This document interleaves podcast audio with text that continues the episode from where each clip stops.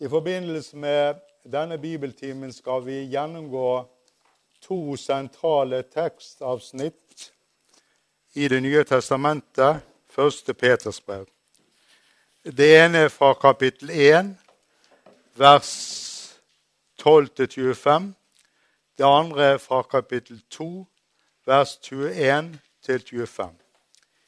Vi leser først fra vers 18 til og med vers 25.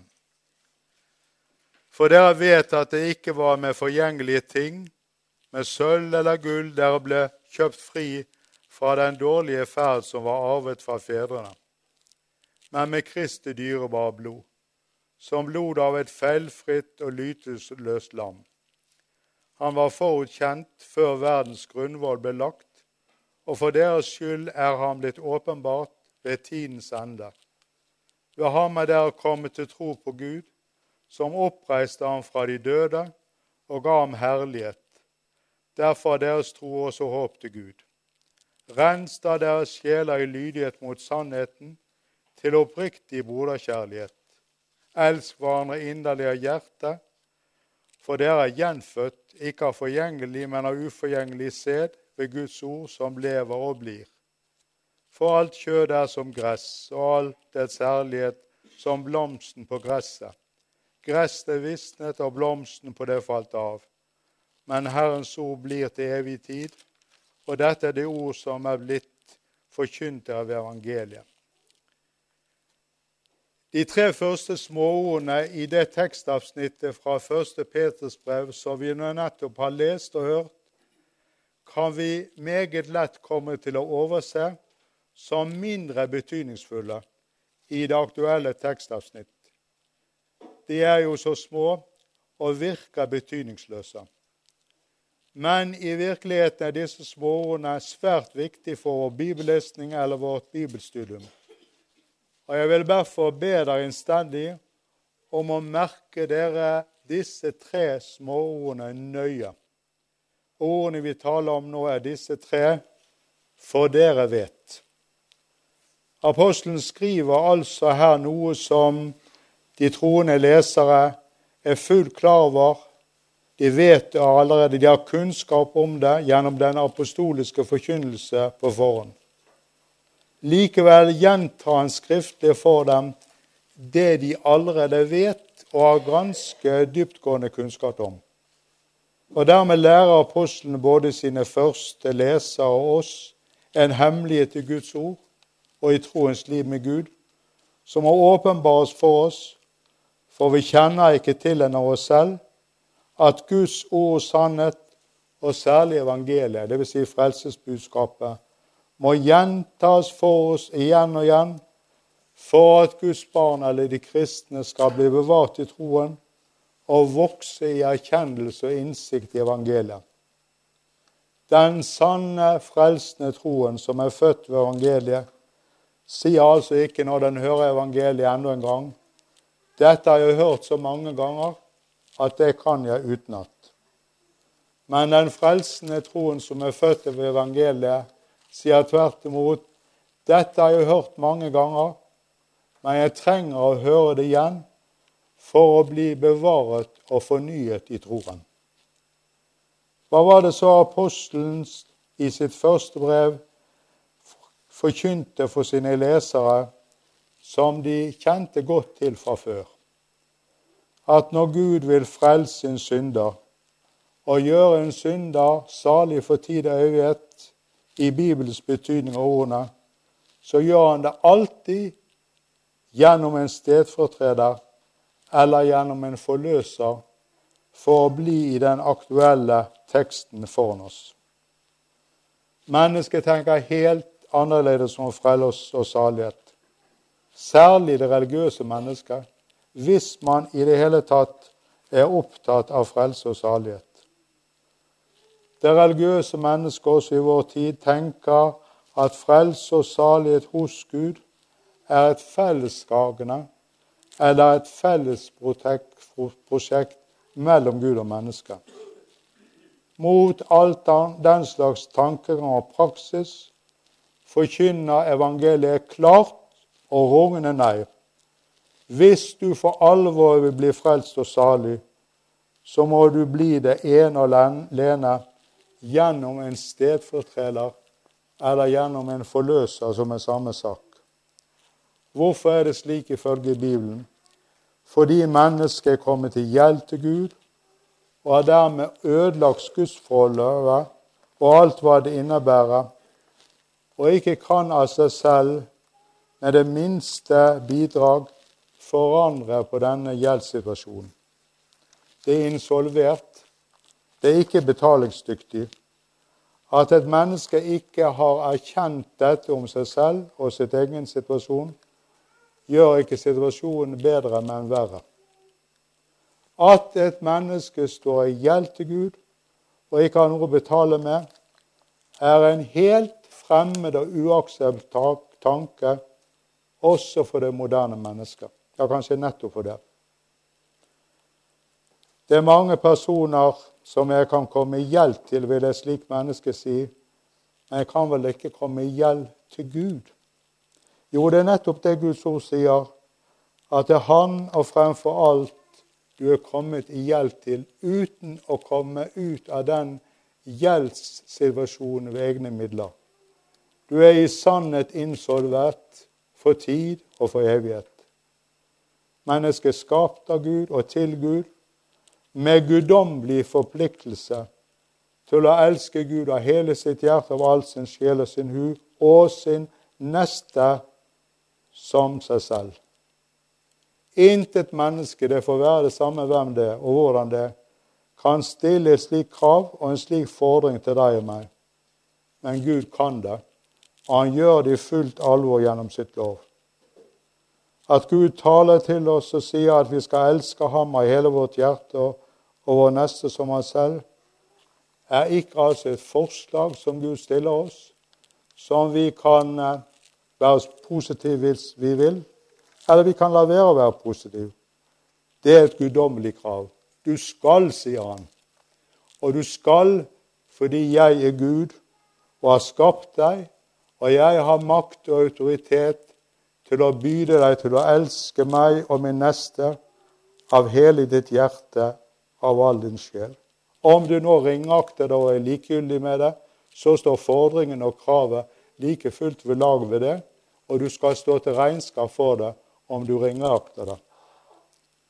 Det mennesket som gjennom kristen forkynnelse og Guds ord er kommet inn i lyset fra Gud gjennom Guds ord, ikke minst er blitt konfrontert med det dobbelte kjærlighetsbud, vil litt etter litt skjønne jeg står i gjeld til Gud på tusen måter og i tusen forskjellige sammenhenger og har intet å betale med. Ja, det som jeg selv en gang prøvde å betale med, gjør bare gjelden enda større. Hva sier Gud til et menneske som dette gjensforholdet ikke er en teori for lenger, men en nød, og som ser at det ikke kan redde seg selv fra dette gjeldsforholdet? Gud sier gjennom sin apostel, for dere vet at det er ikke med forgjengelige ting, med sølv eller gull, ble løskjøpt fra deres dårlige ferd som var arvet fra fedrene, men med Kristi dyrebare blod, som blodet av et feilfritt og lytelseslam. lam. Nå taler Gud om stedfortrederen og forløseren.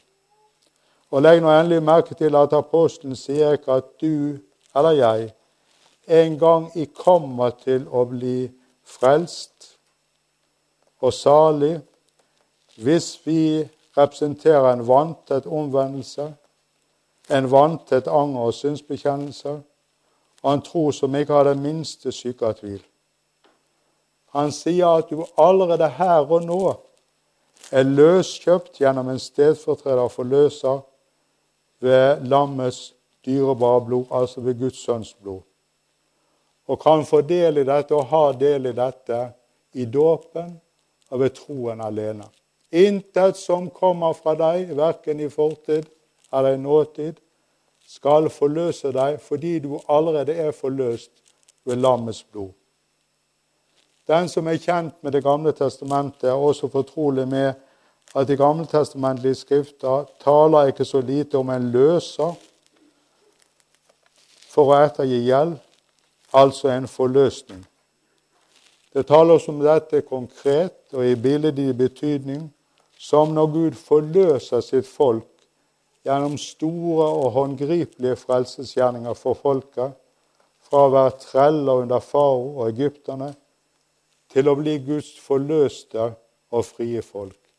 Det er Herrens forløsning for sitt folk.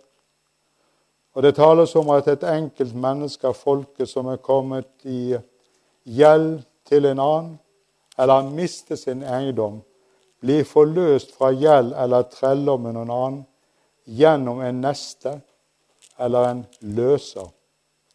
I så tilfelle er nesten en forløser. Og det tales om forløsning først og fremst i overført betydning, i åndelig betydning, profetisk.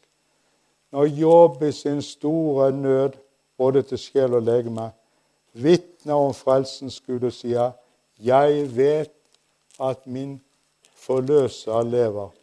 Da taler han egentlig om Jesus. Det som Gud sier om en løsning og en løser, er profetisk å forstå altså om Guds sønn Jesus Kristus og hans frelsesgjerning for syndere. Det er tydelig at forløsning og forsoning er bundet sammen til en helhet i det bibelske vitnesbyrdet. Apostlene vitner jo for sine lesere og skriver at vi er kjøpt fri eller forløst med Kristi dyrebar blod, som blod av et feilfritt og dyrebart lam. Dette korresponderer fullt og helt med Jesu vitnesbyrd om sin selv og sin gjerning når han, når han taler og sier for menneskesønnen er ikke kommet for å la seg tjene, men for selv å tjene og bli en løsepenge i mange steder. Dermed sier Jesus at han, stedfortrederen for oss, betaler den høyeste pris som kan ytes, dvs. Si livet, for å fri oss ut av fangenskapet som vi er bundet til. Kristus yter sitt skyldfrie, fullkomne liv i selvhengivelsen offer for oss for gjeldede treller. Han betaler den løsesømmen som er nødvendig for å fri oss fra trelldommen, både under syndens skyld og makt og herredømme, for å være under Herrens og nådens makt og herredømme. Denne forløsning, det taler Det nye testamentet særdeles klart om, består først og fremst i syndernes forlatelse for Jesus skyld, og med syndernes forlatelse følger, følger liv og salighet, som Martin Luther uttrykker det så presist bibelsk. Det betyr ikke minst barnekårsgud og fri adgang til Gud til å påkalle Han som Abba-far. Dermed forløses vi også fra trelldommen av loven og lovens teori. Jesu dyrebare blod er, er av så stor betydning for oss fordi den er soningsofferet til Guds feilfrie og lytløse offerlam. Siden offerlammet er feilfritt og lyteløst, er altså offeret det slik som det forbildelige uttrykt i Det gamle testamentet og i den gamle pakt. Jeg har lyst til å gjenta det. Siden offerlammet er feilfritt og lyteløst, er også offeret det samme. Altså kan en trett og hjelpeløs synder hvile trygt i forsoningens nåde. Betalingene ved Jesu blod er uten det minste minus, den er full og hel. Men dette er også grunnen til denne hvile når apostelen skriver om Jesus, han som forut var kjent før verdens grunnlov ble lagt. Og for deres skyld er han blitt åpenbart ved tidens ende. Du har med der kommet til tro på Gud. Her taler altså apostelen om det vi kaller Jesu preeksistens at han er fra evighet av. Han tok kjøtt og blod på seg jomfru Marias liv i Den hellige ånd.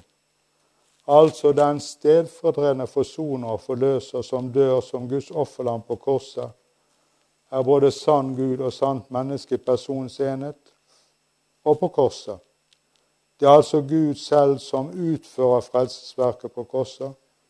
Også av den grunnen kan en synder hvile trygt i forsoningens nåde. Ved ham er dere kommet til tro på Gud, skriver apostelen videre. Det er uten tvil denne sannhet Martin Luther tenker på når han etter skriver at han kjenner bare en Gud, han som er åpenbart i Sønnen Jesus Kristus, i hans Gud og gjerning. For oss er det bare én Gud. Det er Sønnen Jesus Kristus. Helt mot slutten av dette kapitlet skriver så apostelen Rens deres sjeler i lydighet mot sannheten, til oppriktig broderkjærlighet, elsk hverandre inderlig av hjertet. Lydighet mot sannheten, dvs. Si mot evangeliet, består i en lydighet som tar imot evangeliet med personlig adresse, og da la det gjelde for seg som om en skulle være det eneste mennesket i verden som en slik forsoning eller en slik forløsning er fullført for. Det er ikke bare noe som leses opp fra en dogmatikk eller fra en oppbyggelsesbok. Det er noe som gjelder meg. Det er for meg det er gjort, det er for meg det er utført, det er for meg det er fullført. Jeg sier det nok en gang. Som om jeg skulle være det eneste mennesket i verden, og det eneste som Gud har tenkt på med frelse, og Jesus har utført sin gjerning for tilfredsstillelse.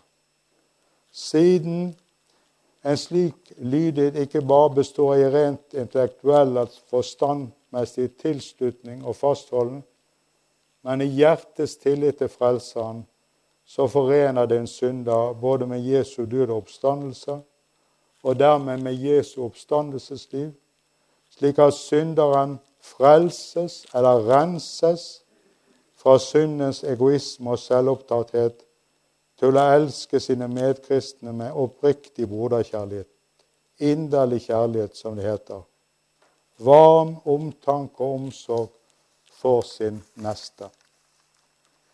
Det var den første delen av dette skriftavsnittet vi skulle lese.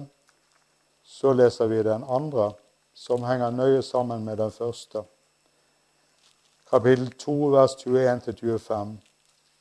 For til dette ble dere kalt fordi også Kristus led for dere, og etterlot dere et eksempel for dere skal følge hans fotspor. Han som ikke gjorde synd, og det ble ikke funnet svik av hans munn. Han som ikke skjelte igjen når han ble utskjelt, og ikke truet når han led, men overlot det til ham som dømmer rettferdig.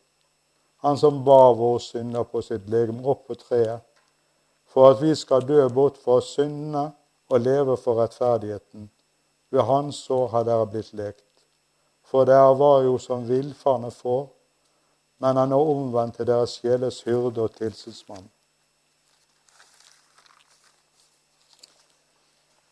En kristen er ifølge Det nye testamentet kalt til å lide, og må følgelig lide som en kristen.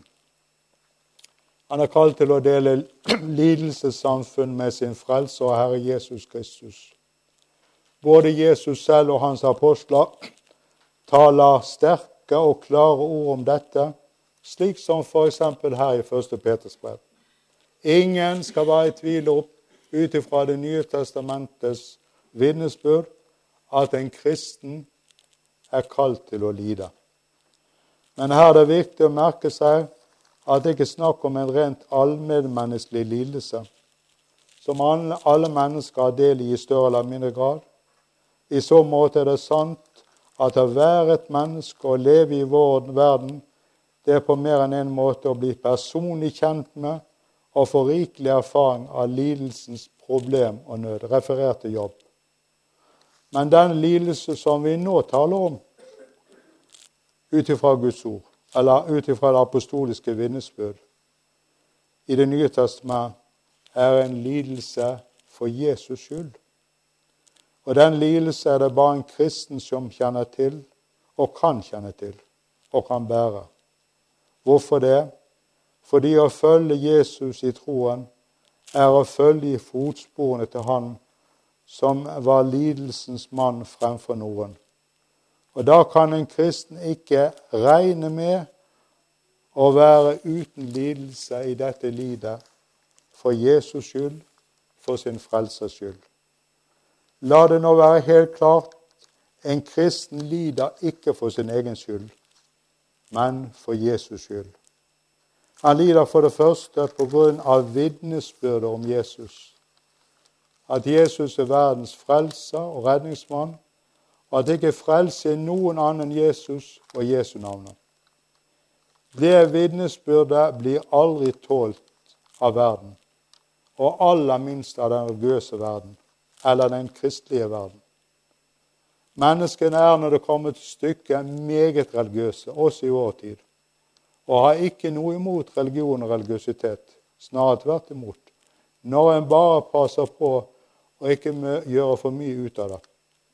Og aller minst når en møter en religiøs tro som er eksklusiv, og må etter sitt vesen være eksklusiv. Og Det er nettopp et hovedkjennetegn ved den kristne tro og sann kristne vitensbyrd. Den er eksklusiv i forhold til alle religioner og alle religiøs tro.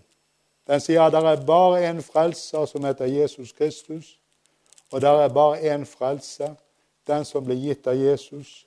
Og det er bare ett navn som en kan bli frelst ved, og det er Jesu navn. Det vil si i den kristne tro så vitner om at det er Jesus alene som er veien til samfunn med Gud, og at det derfor bare er frelse og himmel i troen på Jesus.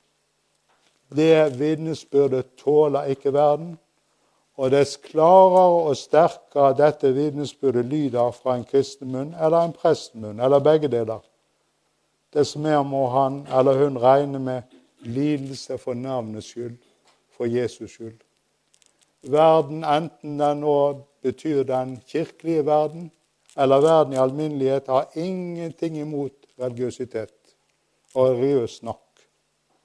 Det den har imot, er evangeliet. For evangeliet avkler oss og viser at du kan bare bli frelst på én måte gjennom en stedfortreder og forløser.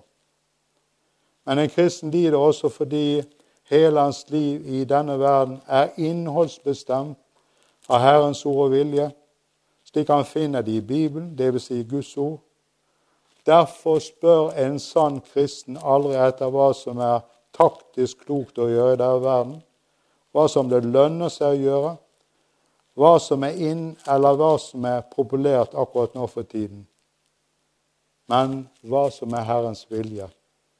Slik det ikke minst blir avslørt for oss i de ti Guds bud, i det dobbelte kjærlighetsbud og de apostoliske formaningene. Et uomvendt menneske spør aldri slik.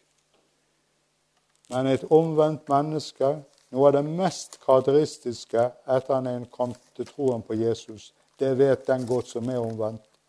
Det er den spør etter Herrens vilje. Hva vil du med mitt liv? Hva mener du om denne saken, Herre? Hva er din vilje for meg akkurat nå? Det betyr at en kristen må si nei til og ta avstand fra mye av det verden sier ja til og synes og har stor glede av. Det hender at en kristen får høre 'Hvorfor må du alltid være så vanskelig å skille det ut?' Du må være, gjerne være religiøs, gjerne meget religiøs. Men hvorfor kan du ikke likevel være sånn som de fleste andre normale og tenkende mennesker også på det religiøse området.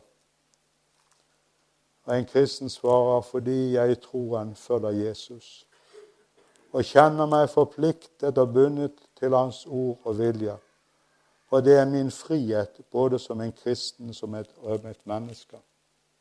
Blir jeg bundet av en annen vilje, så blir jeg ufri igjen. Men nettopp ved å holde meg til Jesus og Hans ord, så er jeg fri. Og da opplever en kristen lidelse for Jesus skyld. Dette må vi kristne regne med hvis vitnesbyrdet vårt om Jesus og livet med Gud er klart, og ikke tar hensyn til mennesker, men til Gud. En kristen er blitt et nytt menneske ved troen på Jesus, med en ny ånd og en ny vilje.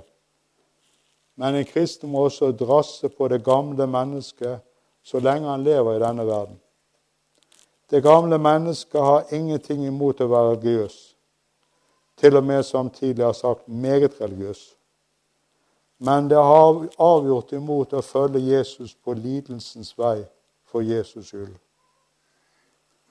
Om Jesus skriver altså apostelen, for dere vet dette ble dere kalt til, fordi Kristus led for dere og etterlot dere et eksempel for at dere skal følge hans fotspor.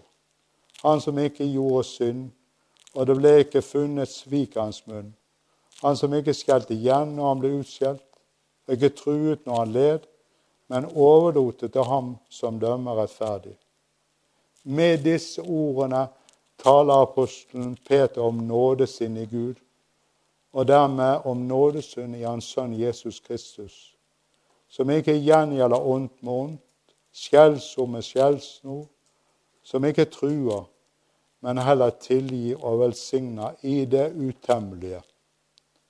Og nettopp her skriver apostelen at Jesus skal være et forbilde for de troende eller de kristne, både i menigheten og i verden for øvrig. Slik som du og jeg er i oss selv, i vårt kjød, også etter at vi er blitt omvendt til Gud ved troen på Jesus, har vi ved siden av det nye sinnet i Jesus Kristus fremdeles et gammelt sinn som er kjødelig, som er egoistisk, som til og med kan være meget egoistisk også i sin religiøsitet som er rakt imot Jesus sin og alltid kommer til å bli det. Det som er meget karakteristisk for dette sinnet, er at det gjelder ondt med ondt, skjellsord med skjellsord, at det mer eller mindre klart kan true. Det gir igjen med samme mynt som det har fått. Men her skal tvert imot Jesus være vårt eksempel på nådesinnet fra Gud. Det skal for det første si at Jesus aldri kan bli å være vårt eksempel før han ved troen får være for forsoner og frelser. Blir Jesus bare ditt eksempel av en eller annen grunn, så blir du en trell under loven, og høyst sannsynlig også en meget dømmesyk fariseer. Blir Jesus derimot stadig din frelser og forsoner, så kan Jesus i sannhet bli ditt forbilde. Og du kan selv bli et forbilde ved å peke på Jesus med ord og med liv. Utenfor Johanneskirken har vi noen store lyskastere som kaster et sterkt og klart lys på kirken, og ikke minst på kirkens tårn. Det som er meget karakteristisk for disse lyskasterne, er at lyset aldri kastes innover mot lyskasterne selv, men utover mot kirken og tårnet, som altså skal være objekt for lyset. En kristen er aldri et forbilde i den betydning at andre mennesker skal bli opptatt av hvor hellig og from en kristen er, men av han som er et forbilde for en kristen, Jesus Kristus. Det aller dypeste i denne forbildegjerning det er at alt fra meg i meg skal peke utover meg selv og hen på Jesus. Men hvordan skal det skje med en kristen? Det svarer apostelen Peter på i slutten av det tekstavsnittet som vi nå prøver å gjennomgå. Apostelen skriver om Jesus, han som bar våre synder på sitt legeme opp på treet for at vi skal dø bort fra syndene og leve for rettferdigheten ved Han så er der blitt lekt. Her siterer apostelen Peter fra Det gamle testamentet, fra profeten Jesajas om Herrens lidende tjener, altså om stedfortrederen og forløseren som bar alle verdens synder på sitt legeme opp på korsets tre. Hvorfor gjorde han det? For det første for med sitt soneblod å kjøpe eller vunne oss en hel og full syndernes forlatelse hos Gud, men også for det andre for at vi ved troen på Jesus og hans fullbrakte frelsesverk for oss skulle få del i hans oppstandelsesliv og nettopp bli nye mennesker, dø bort fra synden og leve for rettferdighet for, for Gud. Vi kan også si det slik for, i vår sammenheng for at lovsinnet og den, det onde gjengjeldelsen sin mer, mer skulle miste terreng og makt i oss og hos oss, dø, og vi mer og mer kunne bli fylt med nådesinnet. Det sinnet som lever i Herrens ord, og som sier 'for intet har jeg fått det, for intet skal jeg gi det'. De som kjenner litt til Karl Olof Rosenius, prekener, vet at han ikke så få så sjelden kommer med noen meget gode og pregnante illustrasjoner i sin forkynnelse. Noen husker en på den måten at de sitter helt fast. Et sted sier Rosenius at det er karakteristisk for en del kristne at de beveger seg eller ferdes et sted mellom Sinai og Golgata. Jeg vil gjerne repetere den. Rosenius sier at det er karakteristisk for en del kristne i hans tid, og sikkert også i vår tid, at de beveger seg, eller de ferdes et sted mellom Sinai og Golgata. Det betyr nok at de vil hente kraft og fornyelse for det nye livet, helliggjørelsens nye liv, delvis fra Sinai og delvis fra Golgata. En sann kristen vil gjerne høre lovens ord om Guds vilje fra Sinai. Men kraften og saften til å gjøre Guds vilje og ha Jesus som forbilde, henter en kristne bare fra et sted, og det blir bare fra Golgata. Dvs. Si bare fra ord om korset, ord om forsoningen, ord om blodet på Golgata, og om syndernes forlatelse og fred med Gud i Jesu blod. Blandes Golgata og Sinai sammen, så det er forbi med alt sant og sunt Guds liv. Vår kirkes reformator Martin Luther taler et sted vidunderlig om at våre synder, dvs. Si den troens synder, kan bare ligge ett sted. Syndene kan ikke samtidig ligge både på oss og på Jesus. Men nå viser evangeliet at Gud har plassert dem på Jesus, og dermed ligger de ikke lenger på oss, slik at apostelen med stor frimodighet og glede kan skrive til sine medkristne om Jesus ved hans sår er dere blitt lekt. Og her er det noe dobbelt i en kristens liv med Jesus i troen. Han både er lekt av Jesus fra all sine synder og fra all synd ved Jesus òg, og han blir stadig på nytt og på nytt lekt av Jesus fra alle aktuelle synder ved å komme til Jesus med sine synder og påkalle Frelserens navn. Han både er lekt og det er sant og rett på en slik måte at ingen anklager kan nå ham med rette. Ingen anklager mot ham blir, på, blir tatt imot av Gud. Og samtidig blir han stadig fornyet i renselsen ved Jesus år. Og her er vi ved selve fornyelsens og helliggjørelsens store hemmelighet i kristelivet. Det betyr at vi fornyes i troen og vokser i helliggjørelse ved at vi stadig begynner på nytt hos Jesus, som en fattig synder som trenger det renste blod og syndens forlatelse mer enn noe annet dag for dag. Den situasjonen kommer en kristen aldri ut av. Tvert imot vokser han dypere og dypere inn i det hvis det er sant og rett med en kristen. Du blir med andre ord ikke stor og vellykket som kristen i troens liv med Jesus, men du blir små, liten og hjelpeløs, og du får en stor og vellykket frelser. Det er troens grunn og salighet. Men det er alltid før og når i en sann kristens liv. Apostlene uttrykker det slik sine, til sine troende lesere og til oss. Der var jo som velfarne får dvs. Si før, men nå er dere omvendt til deres sjelers hyrde og tilsynsmann.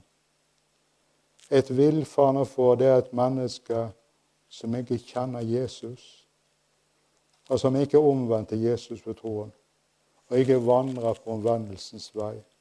Også i den forbindelse har jeg lyst til å si at et sånt menneske kan være meget religiøs. Meget kristelig og meget kirkelig. Men det betyr ikke uten videre at det er omvendt til Gud. Et villfarende får et slikt menneske. Da er et menneske styrt og bestemt av sine egne tanker, meninger, følelser og innfall. Og det gjelder ikke minst på det religiøse området. Da farer det vill, både i forhold til Gud og i forhold til seg selv og i forhold til livet. Og fører andre vill, fordi ord om Jesus ikke bor i hjertet og har makt over livet. En kristen har en hyrde. Det er den hyrden som har gitt sitt liv og sitt blod for fåret, og stadig leger fåret med sine sår. En bedre og mer trofast hyrde kan ingen ha. Denne hyrde vokter sine får gjennom sitt ord, i de hellige skrifter, særlig evangeliet, og gjennom de hellige samfunn, hvor hyrden har sitt, sitt ord og løfte er midt iblant sine får for å oppmuntre og trøste dem, men også for å formane dem i kjærlighet. Hyrden metter sine få med evangeliets ord og det hellige sakramentet, eller de hellige sakramenter. Det betyr at hyrden er her nå. Det er ikke noe stort verken at Jan Bygstad eller Henry Skovold eller Gunnar er til stede, med all mulig respekt for de tre kandidatene. Det store er at Jesus er her. Den gode hyrde er her, for han har lovet å være her.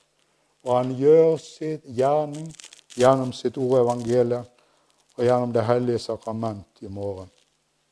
Gjennom alt dette blir fårene bevart i troen, følger Frelseren på omvendelsens vei og vokser inn i et dypere og dypere avhengighetsforhold til hyrden. Og over dette troens liv, liv lyser det et løfte fra Herren. Mine får høre min røst. Jeg kjenner dem, og de følger meg. Og jeg gir dem evig liv. De skal aldri i evighet gå fortapt og ingen skal rive dem ut av min hånd. Min far som har gitt meg dem, er større enn alle, og ingen kan rive dem ut av min fars hånd. Og så til sist. En fin eldre kvinne, troende kvinne, skulle en gang på et bedehus vitne om sin Herre, og ville gjøre det gjennom et sentralt bibelord fra Salme 23, hvor det står 'Herren er min hyrde' meg fattes intet. Så gikk det galt for henne, dessverre. Tilsynelatende, dessverre. Om hun kom til å gjengi disse sentrale ordene på en helt annen måte, for hun sa 'Herren er min hyrde, jeg fatter ingenting'. Det er jo naturlig at vi ler av det. På mine eldre dager ler jeg ikke av det vitnesbyrdet. Jeg er blitt så glad i det, og siterer det ofte for meg selv. Herren er min hyrde, jeg fatter ingenting. Det er mye i mitt liv som jeg ikke fatter, hvis jeg skal være ærlig. Det er mye i Kirkens liv som jeg heller ikke fatter. Og det er mye i verdens liv som jeg ikke fatter.